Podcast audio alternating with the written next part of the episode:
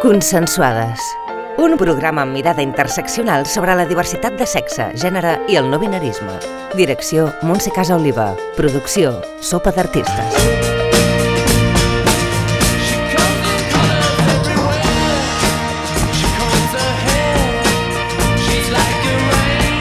El dolor no et fa millor quan estàs defensant una postura davant de la vida natural i antropocèntrica.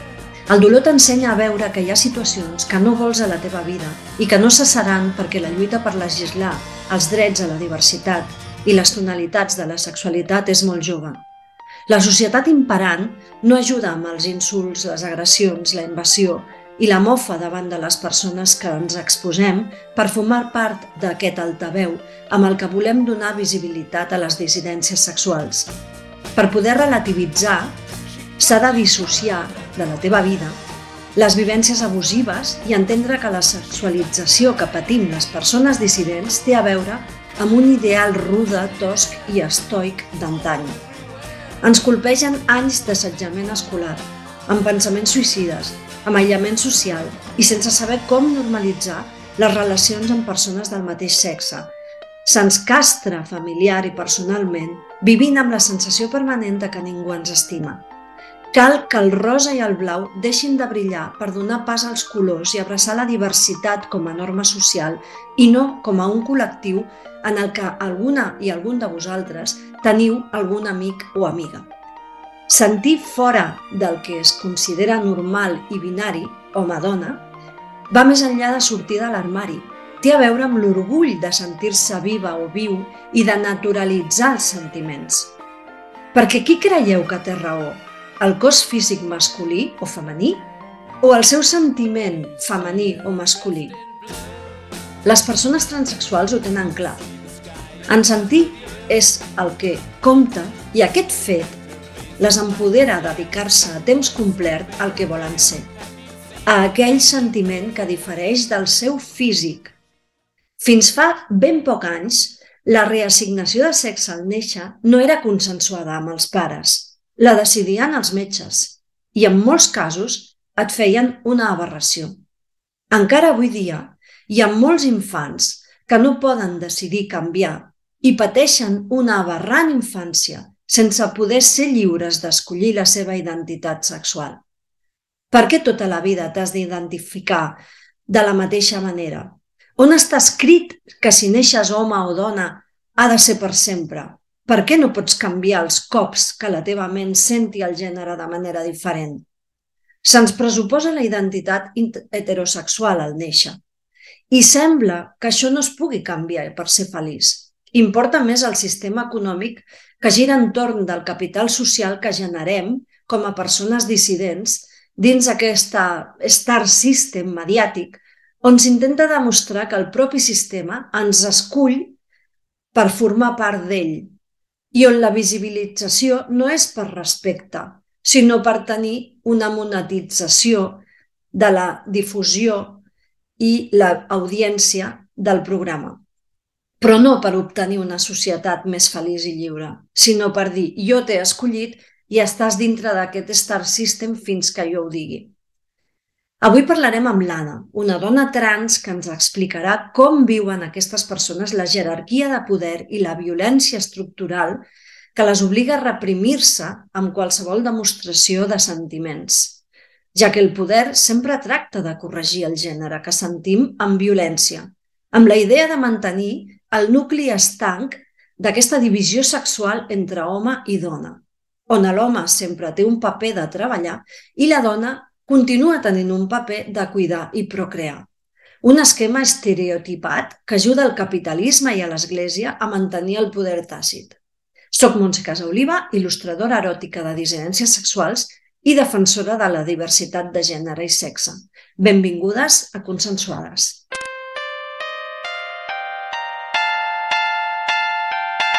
Consensuades. Un programa amb mirada interseccional sobre la diversitat de sexe, gènere i el no binarisme. Direcció Montse Casa Oliva. Producció Sopa d'Artistes.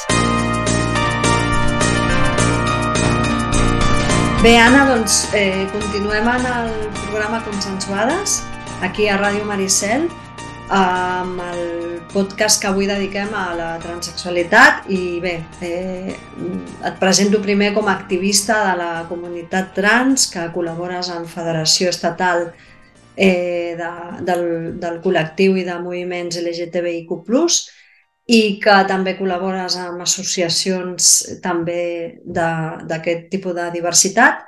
Aleshores, anem a intentar aprofundir una miqueta sobre quines són les, les preguntes o, o les respostes que podem obtenir d'una persona com tu, que està molt, molt identificada amb, el, amb aquest moviment i que ens pot ajudar a, a que els oients i les oients resolguin dubtes que tinguin. Aleshores, eh, quan et, et preguntaré, et faré una bateria de preguntes i, i tu em vas, em vas responent. Eh, quan s'identifiquen les persones transexuals amb el gènere diferent a l'assignat, eh, quan creus tu que, que ho sents no? que, que has de, de canviar aquest gènere o ho sentiu? Hola, què tal? Eh, ante tot, el primer que voldria dir és moltes gràcies per convidar-me al podcast que és un plaer estar amb els teus oïdors, oïdores i oïdores.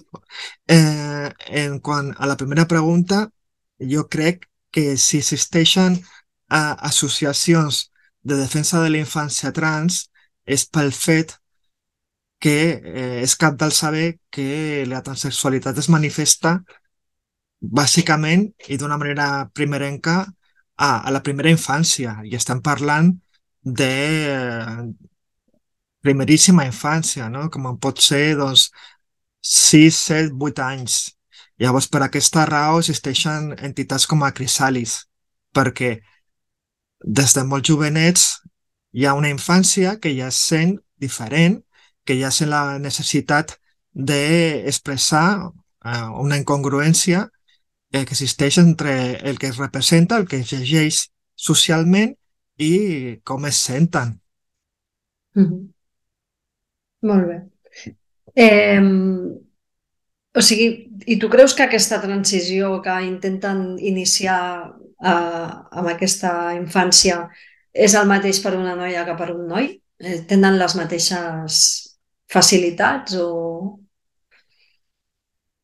Eh, no sabria dir-te. Quan parlem de transsexualitat a la infància, possiblement sigui i estic parlant des de la creença, no des de la coneixença, però crec que possiblement sigui més fàcil assumir eh, la masculinitat d'una filla que, que es llegeix com a filla, que en realitat seria un fill, que, eh, que acceptar que el que tu llegeixes o el que tu eh, s'assigna com, a, com a fill en realitat és una filla pel, pel fet que eh, la societat en la que estem criminalitza els comportaments femenins. I això és una, és una realitat. Llavors, quan una nena, un nen que sent nena, eh, té un comportament eh, que no sigui masculí, eh, això es penalitza. I ho penalitza la societat. Llavors, el que sí que és eh, no, no, no vull fer generalitzacions, però el que sí que d'alguna manera es premia és els comportaments que siguin doncs, més assertius o més directament agressius o més masculinitzats d'una manera, bueno, general, no? Això no significa ni molt més que les masculinitats trans siguin masculinitats que siguin agressives, ni molt menys, però vull dir que a nivell general sí que es considera ben, està encara considerat ben vist aquests comportaments. Llavors estem també lluitant perquè bueno, les masculinitats trans no són masculinitats que siguin d'aquest caire, són masculinitats doncs, feministes, eh, eh, bueno, tot i que hi ha de tot, i que també les feminitats de trans també són feminitats que, que són integradores, no? I quan no dius masculinitat... Sí, sí, però quan dius, perquè ho entengui l'audiència, quan diem masculinitat femenina o feminista, mm -hmm. a què ens sí. estem referint? Ens estem referint a una masculinitat que no és possessiva, que no és agressiva, que és assertiva, que és eh, que, que neix des de la mm, des de la co, eh, coeducació, que té uns plantejaments feministes, que té un respecte cap a la dona, que coneix la dona, que la respecta, coses que són mm, molt senzilles. Sí, que haurien de ser així amb tota la societat, no? I no, uh -huh. i no aquestes masculinitats tòxiques que el que busquen és eh, doncs això, controlar l'altra persona i, i, i, i fer creure que la gelosia és amor i fer creure que, eh, tota aquesta part de, de brutalitat dintre de l'amor és, és natural, no? Uh -huh. Molt bé. Eh, tu creus que la modificació corporal és la solució per a aquestes persones trans? Eh, això és sempre una cosa molt personal. Llavors, podem parlar de si la modificació és una cosa capdalt per a les persones cis, perquè no és patri la, la modificació corporal no és patrimoni exclusiu de les persones trans. Quantes dones coneixes tu que s'han operat els pits? Quanta gent que cis eh, té pressió social per semblar o més jove o més prima? Vull dir, hi ha, hi ha dos, hi ha, hi ha dos enfocaments aquí, no? Per, o sigui, les persones trans no són persones diferents a la resta. La veritat és que, és que tenim les mateixes pressions o més o més que la resta de la societat. Jo crec que, que des del meu punt de vista, no? jo soc una persona trans, però tampoc és que, o sigui, he tingut èpoques en les que sí que he estat pressionada socialment i al final he passat de tot. Clar, si tens aquest comportament de, de passar de tot, finalment acabes penalitzada perquè estàs, ets una mica outsider, no? Tothom vol ser acceptat. Llavors, com tothom vol, vol ser acceptat, ja sigui trans, ja sigui cis, eh, molt probablement acabis passant a parlar-ho. Acaba, passar a parlar-ho, me refereixo a, en, en carinyo, doncs, a seguir les modes, a seguir certa estètica, a que et vulguin desitjar, no? I aquest voler de ser desitjat i voler estar mm, eh, acceptat com a, com a socialment desitjable, tot i la redundància, no és patrimoni exclusiu de les persones trans, en aquest factor. Després hi ha un altre factor que pot ser el de la pròpia la pròpia autoestima i la pròpia coneixença del cos. Per això dic que la modificació corporal pot ser una eina, però no tothom recorreix a aquesta eina. Hi ha persones trans que no modifiquen ni un pèl. Hi ha persones trans que modifiquen tot el cos, o sigui, des de les orelles fins als, a tot, no? I, i, i això eh, pot ser, a vegades, si es troba en equilibri, pot ser molt profitós, no? perquè sí que és veritat que, que hi ha persones que tenen aquesta incongruència i que certes modificacions doncs, li poden ajudar en el dia a dia a sentir-se millor, no? a, a tenir una congruència més forta entre el que sent i el que, i el que s'és, no? i el que és llegir la societat. Llavors, es guanya en coherència interna, que és això pel que es fa. No? Però també hi ha aquest factor social que fa que la persona trans, a part, vulgui ser desitjada eh, des d'un punt de vista exogen, no? exterior, i ja no tan endogen o, o interior com estàvem parlant. Llavors sí que es pot fer, es pot donar eh, eh, el cas que s'abusi de la cirurgia com pot abusar qualsevol altra persona, que ja dic, insisteixo, que les cirurgies o les modificacions corporals no són patrimoni exclusiu de les persones trans, això ho hem de deixar molt clar. I si les persones trans s'equivoquen eh, a l'hora d'operar-se o, o, o fer un excessiu ús d'aquest recurs, també li passa a persones cis. Quantes persones cis, i sobretot dones, que per la pressió social, per voler agradar, per ser desitjades, es someteixen a operacions i operacions i operacions d'estètica i fins i tot posen en perill la seva vida, això ho hem de plantejar no com a persones trans, sinó com a persones i com a societat. Així és, sí, sí, totalment d'acord. De fet, eh, clar, aquesta intentar integrar-se en, una, en la comunitat, no? com dius tu, intentar que, que agradis, intentar que la gent doncs, t'accepti doncs passa per molts processos de pressió estètica, de pressió sexual, fins i tot, perquè sí. jo m'hi he trobat i, i és cert que acaba passant factura perquè creus que estàs obligada a, a, bueno, a quedar bé, a, a fer coses que potser no et venen de gust fer i finalment doncs, acabes bueno, utilitzant el teu cos com si fos una, un producte no? a vendre i, i realment és, és, un, és un, una cosa a, a treballar moltíssim perquè no podem permetre'ns que no hi hagi aquesta acceptació per, per nosaltres mateixes, no? De dir, escolta, jo sóc com sóc i és igual el, el que tingui jo o com sigui o com estigui, sinó que m'ha d'estimar la persona per com sóc per dins, no? Però és cert que és difícil. Tens algun referent dintre del món, del món trans que, que diguis, ostres, aquesta persona m'inspira, no sé, jo, jo, estava, jo és que quan era petita jo tenia un referent, però és que ara posaràs a riure, no? Perquè... Però jo sabia, jo, clar, jo, jo, en, en, jo soc del 77. Al 87, que jo tenia 10 anys, van estrenar una pel·lícula que per mi va ser bastant reveladora, que era Robocop. I llavors, a Robocop és un paio que està dins d'una màquina i és un home atrapat dins d'un robot.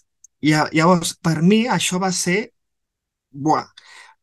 No era una pel·lícula d'un d'un tio que d'un robot assassí o policia fascistoide, sinó per mi era el que jo sentia. Jo em sentia com a Robocop. I, i, i això és una, una cosa que va ser tot un, un, un, bueno, un insight, no? Un, una, una, una il·luminació i, i aquest va ser una de les d'aquestes claus de saber que jo en 10 anys ja tenia molt clar que jo em sentia d'aquesta manera i que em sentia, doncs, bueno, doncs, em sentia com a, com a, tot i que sigui un tòpic, però que em sentia com atrapada, no? O una miqueta així. I això va ser de, per, per aquesta pel·li, no? per aquest personatge, sobretot per, per la manera de que es movia, de, de la de l'expressió corporal, no, no, no sé, va ser un treball tan meravellós i tan esgarrifós que, que em vaig veure molt, molt reflectida.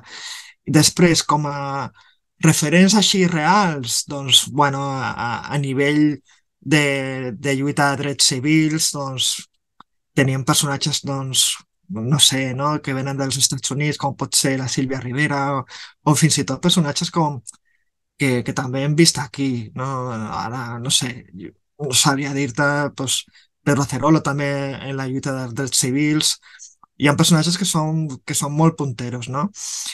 Però, bueno, bàsicament, a mi sempre m'ha agradat la, la fantasia com a mitjà d'explorar la, la, la realitat, no? I, i bueno, te podria dir doncs, altres, altres personatges que també, des del punt de vista de, de, la, de la cultura pop, doncs sí que d'alguna manera t'expliquen el que no t'expliquen no? per això que et deia, no? de, de robots, que, que bueno, són molt reveladors de la pròpia identitat de, de la persona, no?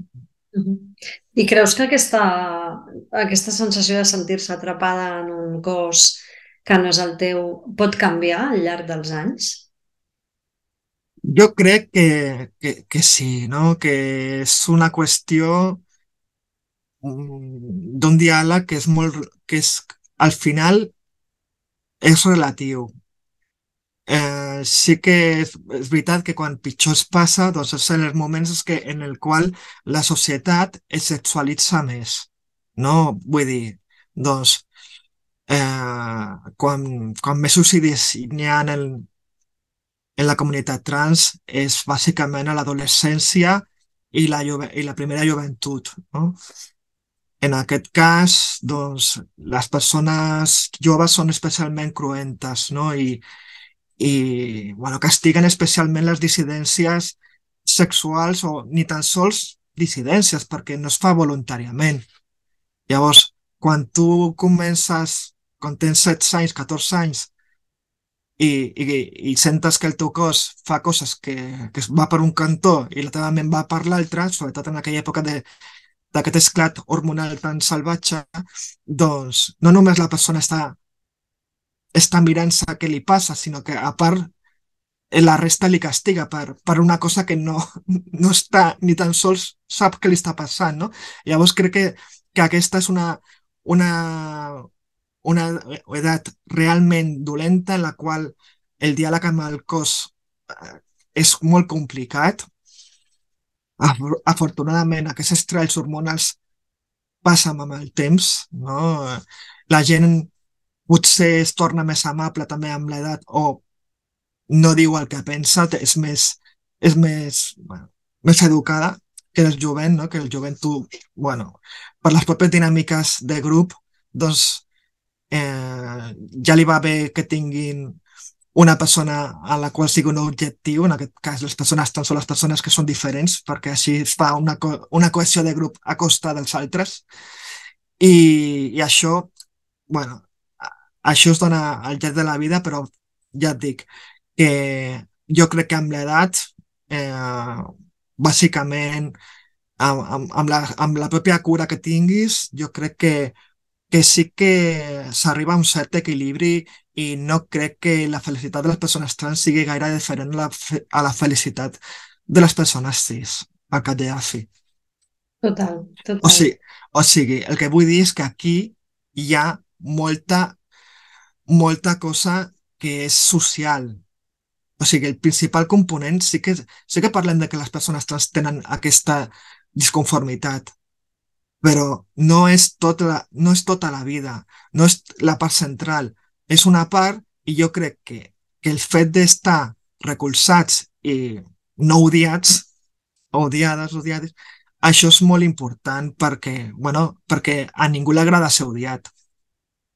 Està clar, sí, sí. Tots passem per processos en els que el nostre cos no ens agrada i, i ja parlo fins i tot com a persona cis, no? Vull dir, mm, ho he passat i segurament a mesura que vagi creixent i avançant i envellint, cada cop m'agradarà menys, però al final has d'acceptar, no sé, la, la teva maduresa, no? I al final és el que dèiem, no?, de la pressió estètica, no t'has de, no de blindar amb, amb quedar-te com una Barbie tota la vida, perquè és, a més, un, és un contrasentit total, no?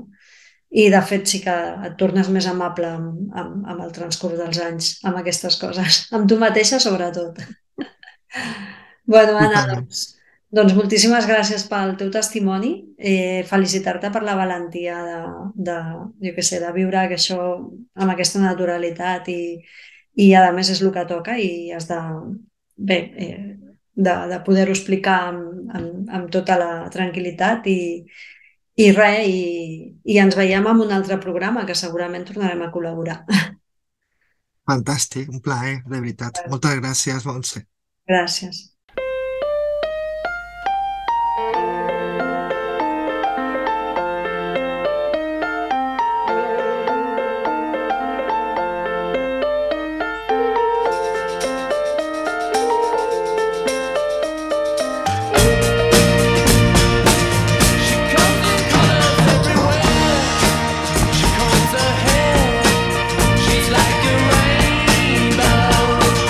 Bé, acabem el programa amb una crida. Per totes aquelles persones que us apassiona les temàtiques dissidents, l'email us el recordo que és radiomaricel.cat on us recordem que també teniu a disposició el mateix email per donar veu en aquest programa a les vostres històries i deixar-nos escoltar tot el que les vostres vivències ens pot aportar.